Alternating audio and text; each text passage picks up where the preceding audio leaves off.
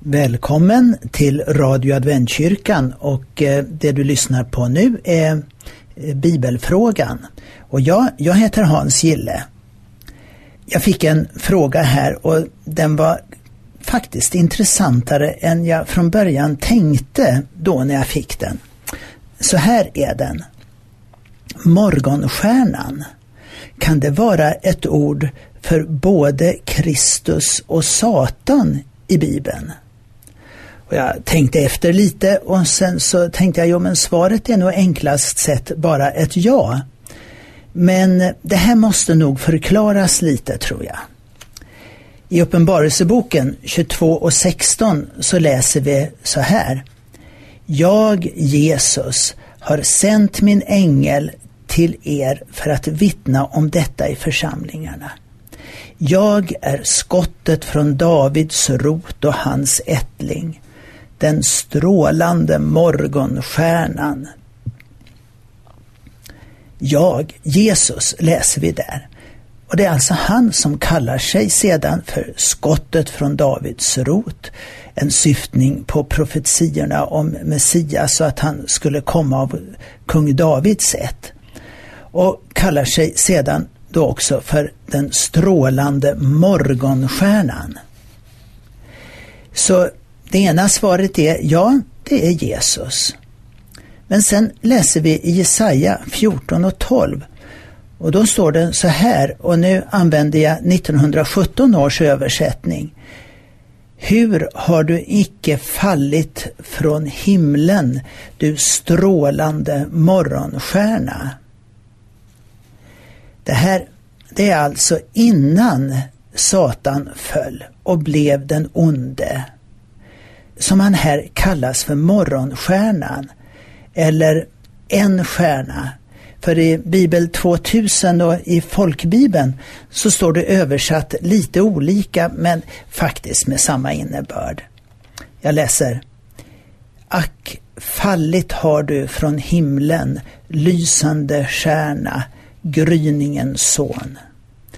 Och i folkbibeln står det ungefär likadant du strålande stjärna, du gryningens son. Vi kan då tänka på vad Jesus faktiskt säger i Lukas, det tionde kapitlet och vers 18. Han svarade, alltså Jesus, jag har sett Satan slungas ner från himlen som en blixt. Johannes, när han ser sina syner på Patmos, så ser han bland annat vid ett tillfälle en drake och han gör just detta. Vi kan läsa om det i Uppenbarelseboken 12 och 4. Hans stjärt svepte med sig en tredjedel av stjärnorna på himlen och slungade dem ner på jorden. Och lite längre ner så beskrivs det så här. Och det blev en strid i himlen Mikael och hans änglar gav sig i strid med draken och draken och hans änglar stred, men han övermannades och det fanns inte mer någon plats för dem i himlen. Och han, den stora draken, ormen från urtiden, han som kallas djävul och Satan, han som förför hela världen, han störtades ner på jorden och hans änglar störtades ner med honom. Stjärnor står alltså ibland symboliskt för olika sorters makter. Om vi ger oss tillbaka till Jesaja igen, som i 14 kapitlet ju egentligen talar om Babylons undergång, men där man kan se att profeten ser en ännu större makt bakom ondskan här på jorden så står det bland annat så här i vers 14 och 15. Och det är då den här morgonstjärnan som talar egentligen. Jag ska stiga upp ovan molnen. Jag ska bli som den högste. Men ner till dödsriket störtas du längst ner i avgrundens djup.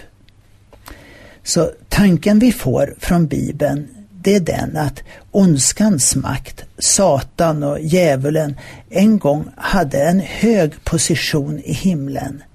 Men han gjorde uppror och fick med sig ett antal andra av de himmelska väsendena, änglarna. Det som en gång var gott och vackert kunde alltså förvandlas till ondskans yttersta gräns. Men Satan och ondskan ska ju en gång totalt förgöras också. Jesus ska komma tillbaka och allt ska ställas till rätta. Så låt oss se på det hela så här. Guds mål med sin skapelse är ju att allt ska återupprättas en gång. Nya himlar och en ny jord där rättfärdighet bor.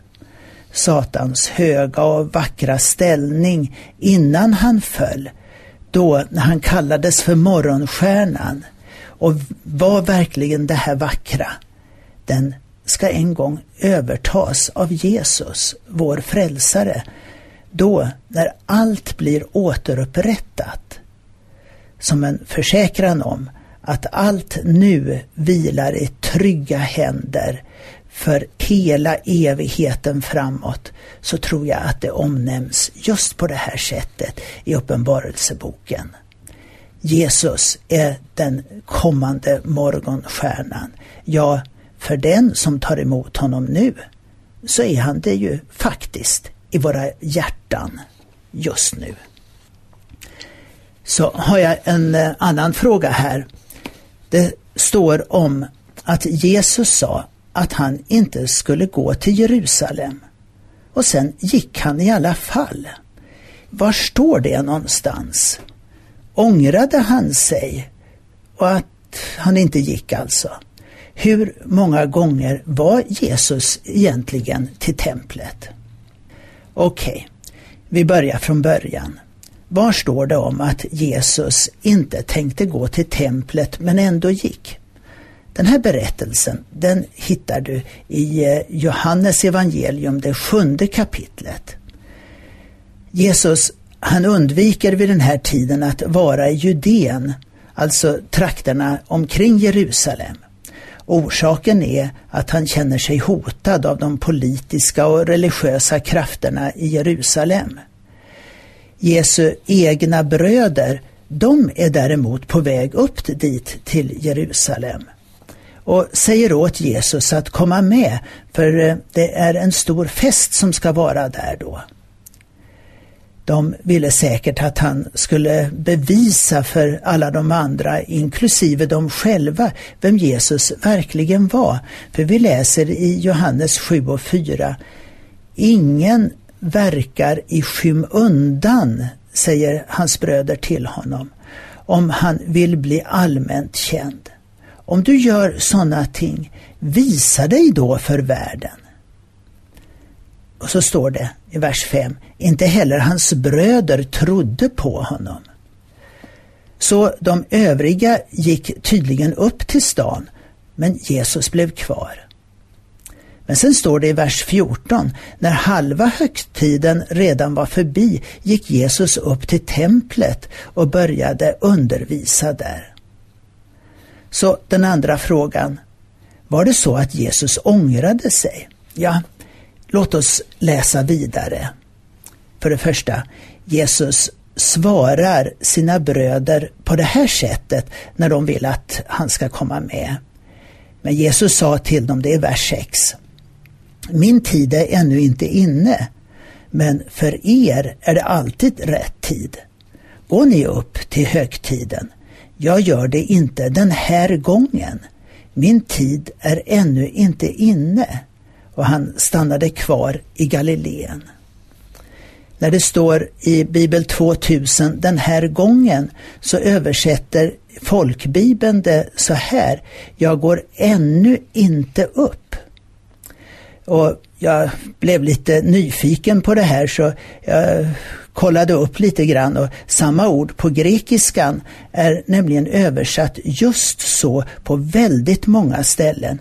Även i Bibel 2000 har man till exempel den översättningen strax innan i Johannes 6 och 17.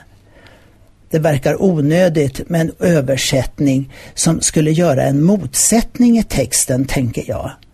Jag är verkligen ingen språkexpert, men anledningen kan faktiskt vara så här. Gå ni nu så får vi se hur det går. Och Jesus ser det ut som hade tanken på att han skulle gå. För i nästa vers, redan här i Johannes det sjunde kapitlet, vers 10. Men när hans bröder hade gått upp till högtiden gick han också dit, inte öppet utan i hemlighet. Judarna sökte efter honom under högtiden och undrade var han fanns. Det pratades mycket om honom bland folket. Några sa att han var en bra människa, andra att han vilseledde folket. Men ingen vågade tala öppet om honom av rädsla för judarna. Det är då, när halva högtiden redan har gått, som Jesus kommer till templet och håller ett fantastiskt tal som anknyter till seden om att bära vatten i krukor upp till templet. Vet du, ta fram Bibeln och läs gärna hela det här kapitel 7 i Johannes evangeliet. Det är ett fantastiskt kapitel egentligen. Så den här sista frågan du hade. Hur många gånger var Jesus i templet? Ja, den första gången var som nyfödd i Marias och Josefs famn egentligen. Då när Marias reningstid var över. Det läser vi om i Lukas, det andra kapitlet och eh, vers 22 där. Det andra omnämnandet det är påskhögtiden då Jesus fyller 12 år. Och det hittar du lite senare i Lukas evangelium, det andra kapitlet med vers 41. Vi läser hans föräldrar brukade varje år bege sig till Jerusalem vid påskhögtiden. Också när Jesus var 12 år gammal gick de dit upp som seden var vid högtiden. Det sägs inget om det, om det här var första gången som Jesus var med dem eh, sen han blev lite äldre som barn. Eh, men eftersom han nu var 12 år så var han den här gången bemyndigad att ta del i mer av det som hände eh, på ett annat sätt. Kanske någon släkting hade tagit hand om honom de här gångerna tidigare. För det står ju faktiskt att Josef och Maria var över till Jerusalem varje år. Men vi vet helt enkelt inte. Och därför är det inte heller möjligt för oss att ta reda på hur många gånger Jesus hade varit i templet i Jerusalem. Vad kan vi då utläsa om vi nu sätter samman de här olika evangeliernas berättelser? Det är det att Jesus borde ha varit i Jerusalem vid tre påskhögtider i alla fall, förutom de här andra högtiderna. Det är en allmän uppfattning att den tiden Jesus verkade från det att han blev döpt i Jordan av Johannes döparen fram till korsfästelsen har varit något mellan tre och fyra år. Inte så lång verksamhet kan vi tycka, men vilket enormt genomslag. Och där, där får vi också vara med när vi kommer till Jesus för vi får ju också faktiskt komma till honom och vara med i det här enorma genomslaget som det kristna budskapet har gett. Du har nu lyssnat till Radio Adventkyrkan och Bibelfrågan. Jag heter Hans Gille och eh, den som eh, sköter om tekniken här är Anne-Maj Sandström. Och så är du som vanligt välkommen att ringa in dina frågor och funderingar till Radio Adventkyrkan på telefon 031 711 11 99.